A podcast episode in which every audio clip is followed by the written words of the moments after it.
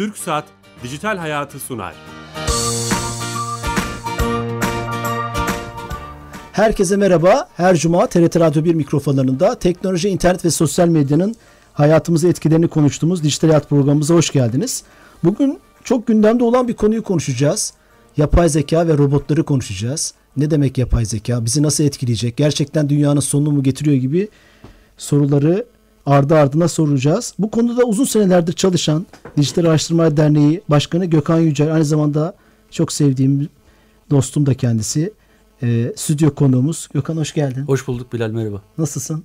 Hamdolsun sen nasılsın? Teşekkürler. Bu konuyu gündeme getiriyorsun çok sık. Ben Twitter'dan takip ediyorum. E, çok da iyi yapıyorsun. Biz de konuyu etmek istedik. E, seninle konuşmak istedik. Tabii çok büyük bir konu ama bir yerden başlayacağız. Ama öncesinde TürkSat sponsorumuz bize destek veriyor 3 senedir. E-Devlet'i anlatıyoruz. Oradaki uzman direktör arkadaşımız bağlanıp TürkSat'ın E-Devlet kapısının hayatımızı kolaylaştıran bir özelliğini bize anlatıyor. Sami Bey uzman direktör arkadaşımız Ankara'dan canlı yayında. Sami Bey. Bilal Bey iyi yayınlar. Nasılsınız? Teşekkür ederim sağ olun sizler de iyisiniz. Sağ olun. Bu hafta hangi servisi anlatacaksınız? Evet bu hafta iki yeni hizmet açtık. Onlardan bahsedeceğim. Aa iki yeni. Tamam süper. Evet. E, bunlardan bir tanesi öğrencileri ilgilendiren Kredi Yurtlar Kurumu Burs Öğrenim Kredi Başvurusu. E, biliyorsunuz geçtiğimiz haftalarda yurt başvurusu e, hizmeti E-Devlet kapısından sunuluyordu. E, evet. Bu hafta itibariyle burs başvuruları da başladı. Bu hizmeti de E-Devlet kapısından öğrencilerimize sunuyoruz. E, bir diğer hizmetimizde e, Türkiye Büyük Millet Meclisi iş başvuruları da artık E-Devlet kapısından yapılıyor. Bu da birkaç gün önce açılan bir hizmet. Bu hizmetle beraber artık iş başvuruları da E-Devlet kapısı e, tarafından entegre edilen hizmetler listesine girdi. Harika. Özellikle KYK çok kullanıyordur sanırım. Evet, evet. Ee, böylece E-Devlet kapısından sunmuş olduğumuz hizmet sayısı da 2332'ye çıkmış durumda. 2332 hizmet var. Evet, elektronik hizmet E-Devlet kapısında mevcut. 2017 bitmeden 2500 olur mu? Ee, 2017'ye 2017'nin sonu az kaldı. Öyle iddialı bir e, cümle kullanmayayım. Hedef evet. koymuş olduk. Eyvallah. Tüm ekibe selamlar. Harika işler yapıyorsunuz. Teşekkürler. İyi yayınlar. Sağ olun. Evet TürkSat'a bağlandık. Hayatımızı kolaylaştıran, kamuyu dönüştüren Türkiye'nin gururu bir iş. Ellerine sağlık.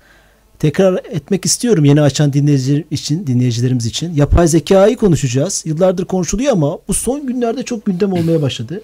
Abi şöyle yapalım mı? Dijital Araştırmalar Derneği Gökhan Yücel, Başkanı Gökhan Yücel bizimle birlikte. Onu da tekrar etmekte fayda var. Yapay zeka nedir? Yapay zeka insan olmayan makinelerin, yazılımların düşünebilmesi ama daha önemlisi öğrenebilmesi Bilal. Ee, çok iç içe geçmiş bir konu. İnanılmaz e, alt başlıkları var, şubeleri var. Makine öğrenme diye bir şubesi var. Yapay zekayı bir üst kavram olarak düşünürsek derin öğrenme, deep learning diye. İngilizcesinde söyleyeyim de evet. e, onlar da kulaklara aşina olsun. Deep learning diye bir e, alt şubesi var.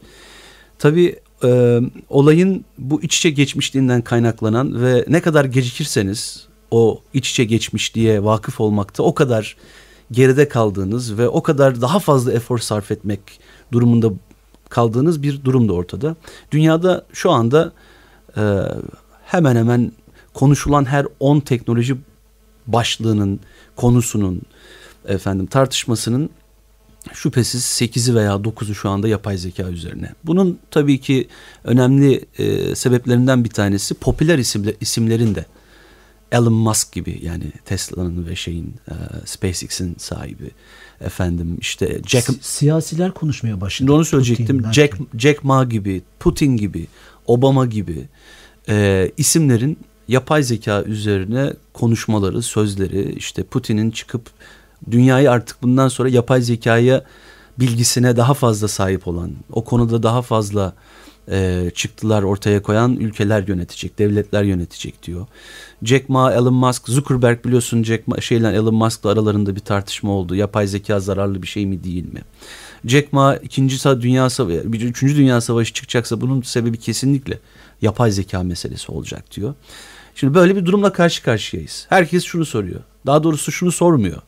Ee, yapay zeka nedir? Bu işe nasıl bir şekilde bağlanabiliriz? Bu şekilde bir şekilde nasıl işin ucundan tutabiliriz diye sormuyor. Biraz bizim ülkemizde ne yazık ki işte teknoloji konularında her zaman rastladığımız şey olayın böyle üstündeki o krem tabakası ile ilgileniyor. O işin biraz daha popüler kısmıyla işte makineler bize söz geçirecek mi efendim yapay zeka bizi ele geçirecek mi ama oraya varana kadar yapılması gereken çok farklı tartışmalar var. Bir şey daha söylemek isterim.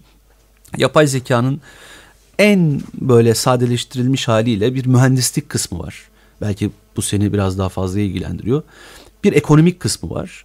Bir de sosyal hayatı olan etkileri var. Bir sosyal bilimci olarak e, beni daha çok ilgilendiren, daha fazla kafa yorduğum olayın e, sosyal ve ekonomik boyutları. Evet ben de onu konuşmak istiyorum. Ee, çünkü teknoloji kısmını değil de. Teknolojik kısmı da önemli ama çok e, matematiksel bir, bir konu. Yani çok teknik bir konu.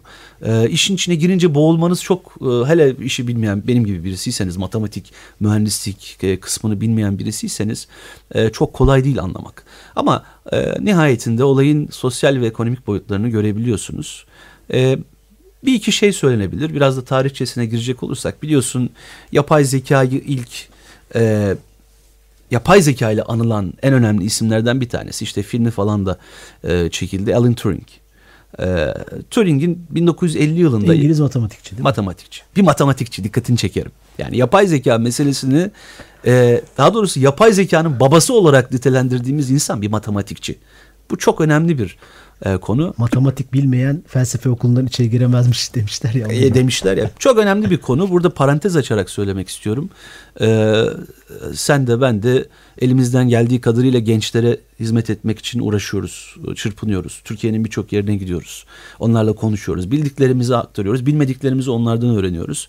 Geçen sene e, sen de ben de teknoloji konuşmak için, yapay zekaya biraz daha fazla alan açmak için e, gittik konuştuk. Sen de 20'ye yakın yerde, ilde konuştun ben de. Her gittiğim yerde şunu anlatmaya çalıştım. Eğer bugün yapay zeka bugün robotik, bugün sibernetiğin ileriki safhaları, bugün makine öğrenme, bugün derin öğrenme diye bir şey varsa bunu tüm samimiyetimle söylüyorum.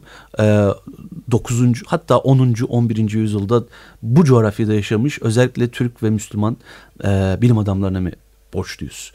Ee, El Cezeri ismi. Çok bahsediyorsun ondan. El Cezeri mes- meselesi öyle. Ee, robotu yani sibernetiği ortaya koyan e, robotik biliminin, sibernetik biliminin temellerini atan isim. Nitekim e, algoritma diye bir kelime var. Her yerde söylüyorum. Ölene kadar da söyleyeceğim. Hiçbir şekilde de bundan yeri durmayacağım. Algoritma bugün yapay zeka da dahil olmak üzere hangi bilgisayar mühendisliği veya hangi e, teknoloji konusuyla e, alakadar olursanız olun en fazla karşınıza çıkan kelimelerden bir tanesi algoritma. Her ne kadar bize çok yabancı veya Latin bir isim geliyor olsa da ki öyle her Latince kelimenin e, A ve L ile başlayan her Latince kelimede olduğu gibi o da Arapça bir kelime. El Harizmi'nin ismi aslında.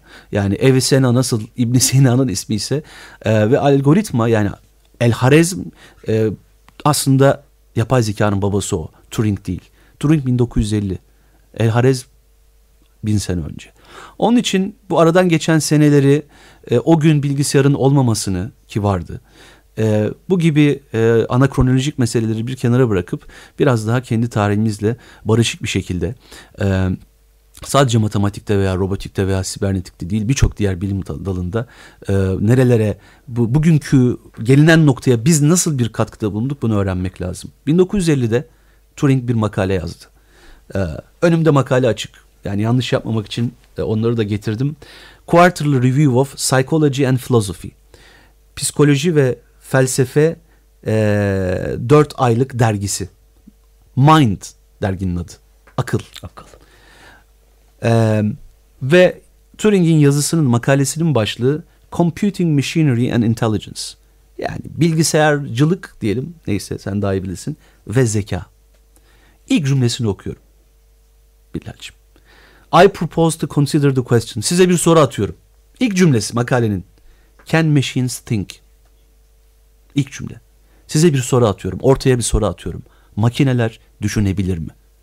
Yıl 1950. İkinci Dünya Savaşı yine Hemen bitmiş. Sonrası. Hemen sonrası. Bir arayış var. Peki bu burada kaldı mı? Hayır bu burada kalmadı. Hatta filmi var değil mi? Dinleyicilerimizin Evet. Imitation Game diye. Imitation Game diye Türkçesi nasıl olur onun Imitation Game'in? imitasyon oyunu, taklit oyunu. Hatta öyle bir Zaten filmi, bakacak olursan öneririm. sen görürsün ufak bir Google aramasıyla da çıkar. Bu cümlenin yazılı olduğu bölümün başlığı, alt başlığı bir The Imitation Game. Taklit oyunu. Taklit. Yani isim de oradan geliyor. Sonra bu iş burada kalmadı e, Bilal. Bu işi ileriye taşıyan isimler oldu.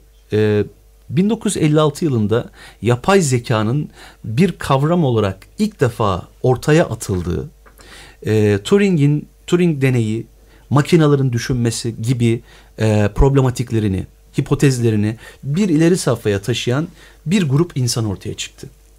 Ve e, aslında ondan çok daha önce 1938 yılında 1938 yılında Claude Shannon diye bir bilim adamı, Amerikalı bilim adamı bir makale yazmıştı. A Symbolic Analysis of Relay and Switching Circuits. Yani bilgisayarların içinde hani böyle devreler var ya o devrelerle ilgili bir makale yazmıştı.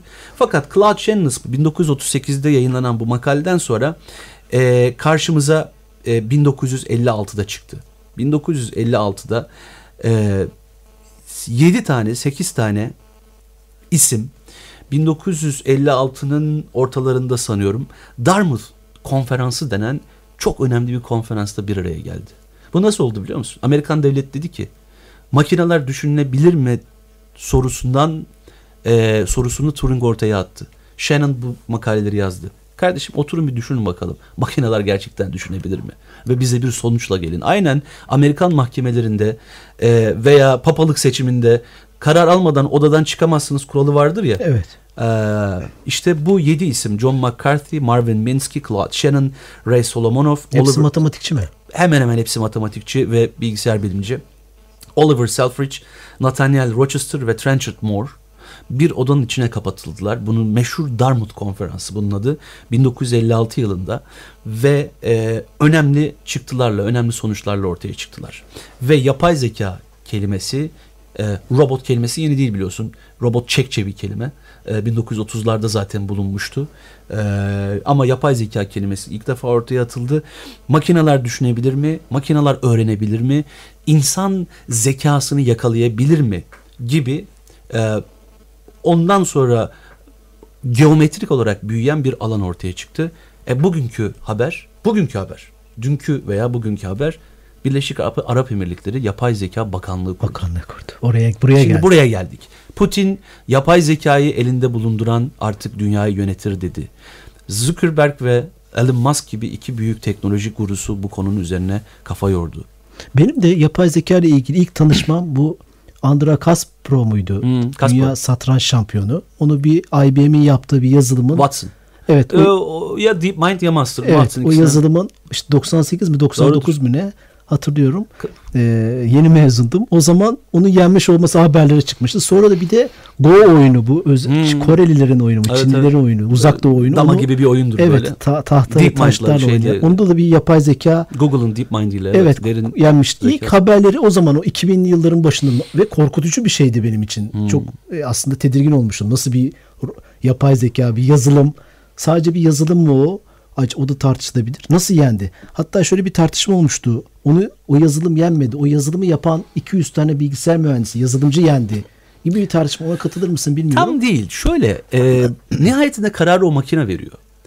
E, şimdi bunu anlattıktan sonra çok kısaca tarihçesi bu. Sonra tarihçesi tabii çok ileriki e, yani o ne bileyim işte 50-60 sene içerisinde birçok gelişme oldu. Watson biraz önce bahsettin. IBM'in süper bilgisayarı.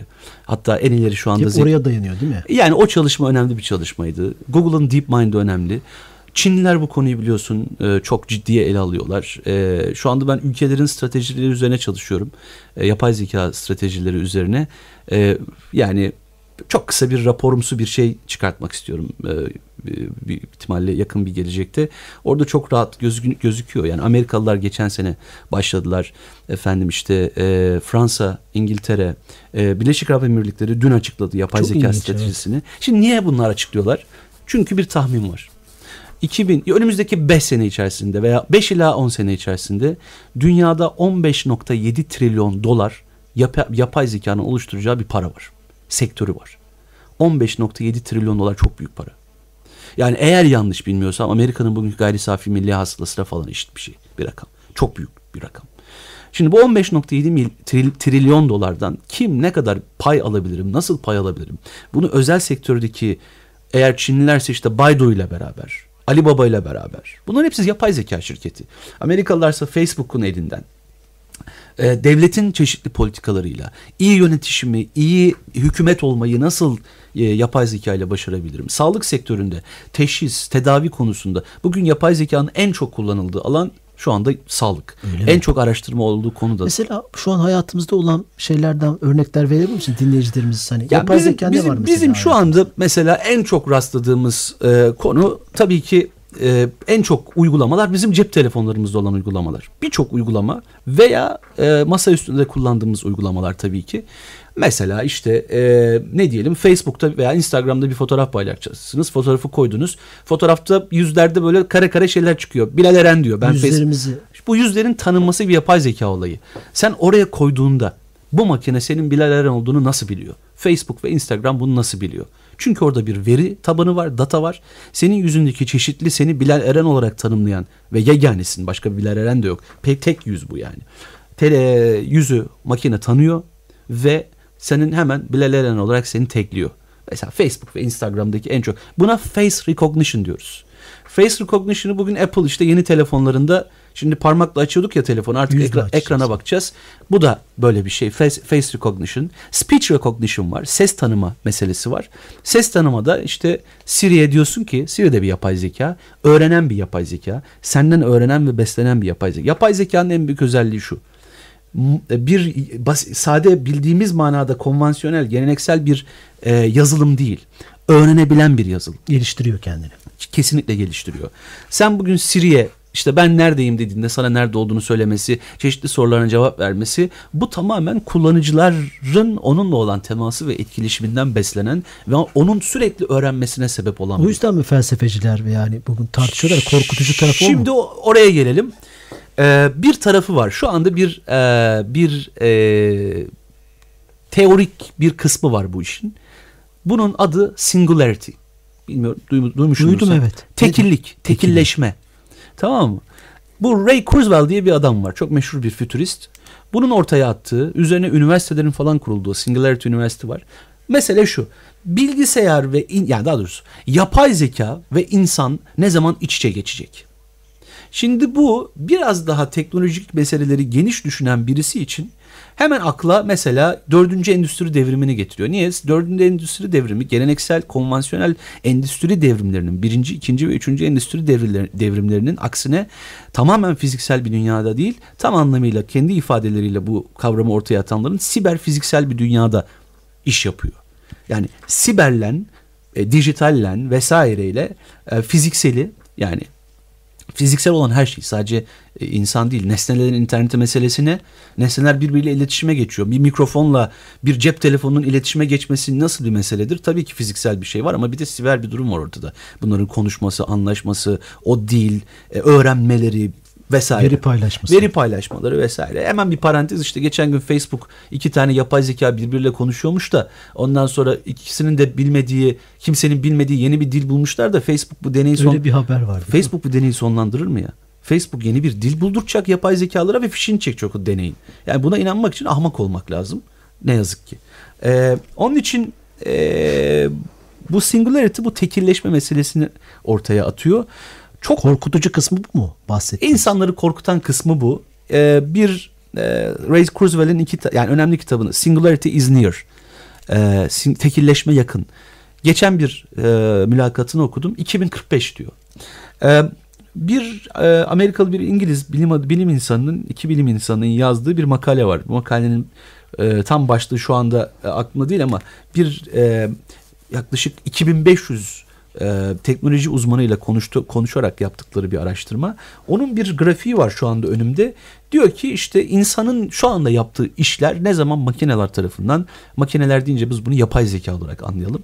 Yapay zeka tarafından yapılacak. Mesela e, herhangi bir ülkede top 10 dinlenen, en çok dinlenen bir şarkı ne zaman bir insan eliyle, bir insan zekasıyla değil de bir yapay zeka tarafından çıkacak. Bunun tarihi 2027 olarak veriliyor mesela. Çok yakın. Diyor ki New York Times bestseller New York Times'ın kitap ekinde bu kitap mutlaka okunmalı, bestseller olacak kitap bir insan tarafından değil de bir yapay zeka tarafından ne zaman yazılacak diyor. Tarih 2047. Aslında Kurzweil'in 2 sene 3 sene sonrası. Bütün insanlığın yaptığı şu anda buna biz işte singularity deniyor. Yaptığı her şeyin yapay zeka tarafından becerilebilmesi, yapılabilmesi. Bir beyin cerrahi operasyonu, insan müdahalesi olmadan özerk, özerk makinelerin, yapay zekaların yapması bunun da 2060 olduğunu bu Çok çalışma yakın tarihler aslında. bu çalışma söylüyor. Ben bunun daha önce olacağını düşünüyorum. Yapay zekanın En iyi müziği bir yapay zekadan dinleyeceğiz. burada en görebilirsin işte e, evet yani bir Lego'yu hiçbir insan müdahalesi olmadan bir yapay zeka ne zaman tamamen kendi başına yapacak. Tarih 2020. Mesela 3 sene sonra falan böyle şeyler. Şöyle var. bir şey görmüştüm. Mozart'ın, Bach'ın işte ünlü o klasik müziklerini bir yapay zeka yapmış. Bir de insan ayırt edemiyorsun. Hangisi sormuşlar, hangisi insan, hangisi Şimdi yapay zeka. sonuç sonuçlar çıkıyor. İşte geçen gün bir Japon robotu, yapay zeka robotu şey yönetti. Orkestra, senfonik orkestra yönetti. O Borocelli mi? Boratelli şimdi ismi tam aklımda değil. İtalyan tenör söylüyor yani. Adam hani güvenmese işe çıkıp onun önünde e, solistlik yapar mı? Ama hikaye e, bu bu bir arayış aslında Bilal. Yani biraz daha herkesi hani bizim insanımız gizemi sever. Tamam mı? Evet. Yani pop- İnsanlık sever herhalde. İnsanlık sever. Yani gizem şu yapay zeka dediğiniz şey insan beynini ve zekasını önce beynini ve onun içindeki nöral yani sinirsel ağları modelleyerek bir makineye bunu nasıl transfer edebilirim ve bir makineye insan kadar en az in- insan kadar eee kararlar verdirebilirim meselesi. Ama bir yapay zeka bu işin içine girdiği zaman kararların rasyonelleşmesi, fevkalade akıllaşması meselesi var. Acaba duygu bu işin neresinde yer alacak? Çok fazla bilmiyoruz. Hisler. Hisler bu işin neresinde? İşte filmler var hatırlarsın yani Her diye bir film var. Evet. Bir İngiliz bilgisayar. İşletim bir- sistemine aşık oldu. aşık oluyor. Efendim işte neredeyse yani bugün herhangi bir Netflix'i falan açtığında karşına çıkan 3 diziden bir tanesi işte. Westworld'dı, işte Black Mirror'dı hepsi yapay zekadan bahsediyor. Yani bu iş bizim önümüzde Bilal. Bu bir Yalnız onlardan farklı olarak sen olumlusun gördüğüm kadar. Olumlu örnekler verdin. e, olumlu olmak durumundayız. Olumsuz yani nedir yani. olumsuz ol? İşte robotlar çıkacak bizi öldürecek. Yani bu şu anda benim düşünmek istediğim bir şey değil. Ya biz hüsnü zan üzerine mesulüz ya. Evet, yani ben doğru. iyi, iyi, iyi zannediyorum yani açıkçası. Ya beni ilgilendiren kısmı bu bir arayış. Ben de şöyle bu teknolojinin kimin elinde olduğuna bakarak Bu bir siyaset bilimci olarak benim güç kavramı ben güçle ilgileniyorum ya ve Evet. sosyal bilimcilerin birçoğu ama siyaset bilimciler güçle ilgileniyor. E, ben dijital hatırlarsın dijital diplomasiyle de ilgileniyorum e, Evet. konuyla. Ona da bir güç meselesi olarak bakıyorum. Yani e, onu sadece işte bir Facebook hesabı var işte herhangi bir devlet başkanının Tweet devlet atıyormuş, bilmem o, ne değil. Bu meselesi değil. Bu bir güç meselesi. Bu gücün dağıtımı, işte o güç el- iyi ellerde mi acaba? O, o bu şimdi e, konuşuluyor, çok konuşuluyor. E, Amerika bu işte çok ilerlemiş durumda. E, bunu söylemek lazım. Facebook e, yani şu an geçen Baidu'yu gördüm. On- 17 milyar dolar yatıracakmış galiba bu sene yapay zeka araştırmalarına. Facebook'un biliyorsun e, 8. bina diye bir binası var. Giriş çıkış yasak. Sadece çalışanlar girebiliyor. İşte e, bu beyinden direkt e, komünikasyonu sağlayacak olan bu yılın sonunda geçen F8'de toplantıda anlattılar ama onların her sene düzenlediği trendlerini anlattığı bir toplantı vardır.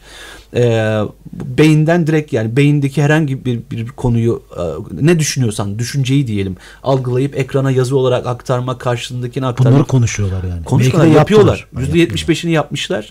Ee, Google'dan iki tane yapay zeka uzmanı transfer ettiler.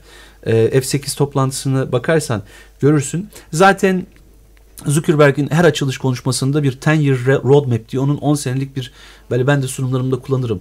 Yol haritası arkasında Ha, 10 sene sonra slaytı burada vardır. olacağız. 10 senenin sonunda 3 tane şey vardır. Bir tanesi yapay zeka, bir tanesi arttırılmış gerçeklik, bir tanesi de sanal gerçeklik.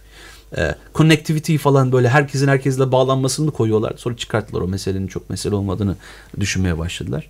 Beni ilgilendiren bu iş e, nereye gidiyordan ziyade e, biraz daha e, gerçekçi. Bu kim neyi araştırıyor? Trendler neler? E, ne düşünülüyor? Ne yazılıyor, çiziliyor? Ülkelerin stratejileri ben şimdi belki 25 ülkenin stratejisini okumuşumdur. Yani Amerika'nınki açık kaynak. Ay Allah Birleşik Arap Emirlikleri yayınladı dün. Efendim eee Çin yayınladı geçen, Rusya yayınladı, Fransa yayınladı, İngiltere yayınladı, İsrail. Hepsi açık kaynak bunların. Yani biraz dil bilmek, biraz meraklı olmak. Bu konuda mesela bu araştırmanın sonuçlarını bir kitaplaştırsan veya bir blogda toplasan. Herkese... İşte ya, onun raporu O çıkacak. Yani biraz abi. önce konuştuk. Onu da söyleyeyim madem. Yapay zeka nesli diye bir kitap bitirmek üzereyim. İnşallah süper olur. Orada e, şu anki zeka türlerinin alçak zekalılık, üstün zekalılık falan bu gibi şeylerin yapay zeka ile ne kadar anlamsızlaştığı, ne kadar anlamsız hale geldiği gibi bir yani hani insanları biz Y, Z, X, Y, Z kuşağı işte e, üstün zekalı bilmem ne zekalı bu yani e, işte IQ testleri ve bunun gibi birçok şey. Ya makinelere IQ testi mi uygulayacağız falan yani bu gibi e, artık çok fazla bizi ilgilendirmeyecek olan şeylerle iç içe geçmiş. Son bir dakikamız var da çok acayip güzel bir konu. Tabi hızlı geçiyor. Konunun ilk başında söylediğin sokaktaki bize, sade vatandaşa şu an yapay zeka bir tehdit veya avantaj oluşturuyor mu? Hiçbir te- yani tehdit an- derken kararlarını almasına yardımcı oluyor. Eğer çok biraz ne kadar fazla e, teknoloji farkındaysa o kararları o kadar kontrol edebiliyor. Aksi takdirde YouTube'da hangi videoyu bir sonraki seyredeceğin, hangi şarkıyı dinleyeceğin, televizyonda izleyeceğin filmler, özellikle dijital platformların bu IPTV'lerin çoğalmasıyla beraber e, cep telefonları kullanımında hangi yoldan gideceğin, efendime söyleyeyim, bunun gibi mevzularda şu anda zaten biz yapay zekalaşmış birer e, bireyiz hepimiz. Ve biz ne kadar fazla bu konularda tek, ne kadar teknoloji öz, şeyi olursan özür dilerim özür dilerim. E, cahili olursan ne kadar az farkında olursan bile e, inan bana e, şu anda yapay zekalar tarafından biz kuşatılmış durumdayız. Ve bunlar şu anda ufak ufak şeyler. E, sağlık alanında olsun, diğer alanlarda olsun, tarım alanında olsun, savunma sanayinde olsun. önemli, değil mi? Ee, yani bir savunma sanayi ki biz milli savunma sanayimizi şu anda Allah'tan e, hamdolsun çok e, iyi şekilde ortaya koyuyoruz. Buralarda e, muhakkak yapay zeka var. Son cümle bizim 2023 hedeflerimiz var ya çok önemli hedefler. Yapay zekasız bu hedefler hiçbir şey ifade etmiyor. İfade etmiyor. Yani anlamsız demiyorum. Hiçbir şey ifade etmiyor. Evet, çok önemli bir mesajla Burada bitirmiş bitirelim. olduk. Evet. Maalesef programın sonuna geldik. Ya bunu bir seri haline getirelim. Bunu konuşalım. Yapay zeka 1 2 3 bölüm seri programlar yapalım inşallah. Dijital Araştırmalar Derneği Başkanı Gökhan Yücel'le yapay zeka tarihi nereden nereye gittiğini ve toplumu konuştuk. Haftaya yeni konu ve konuklarla beraber olacağız. İyi hafta sonları hoşçakalın.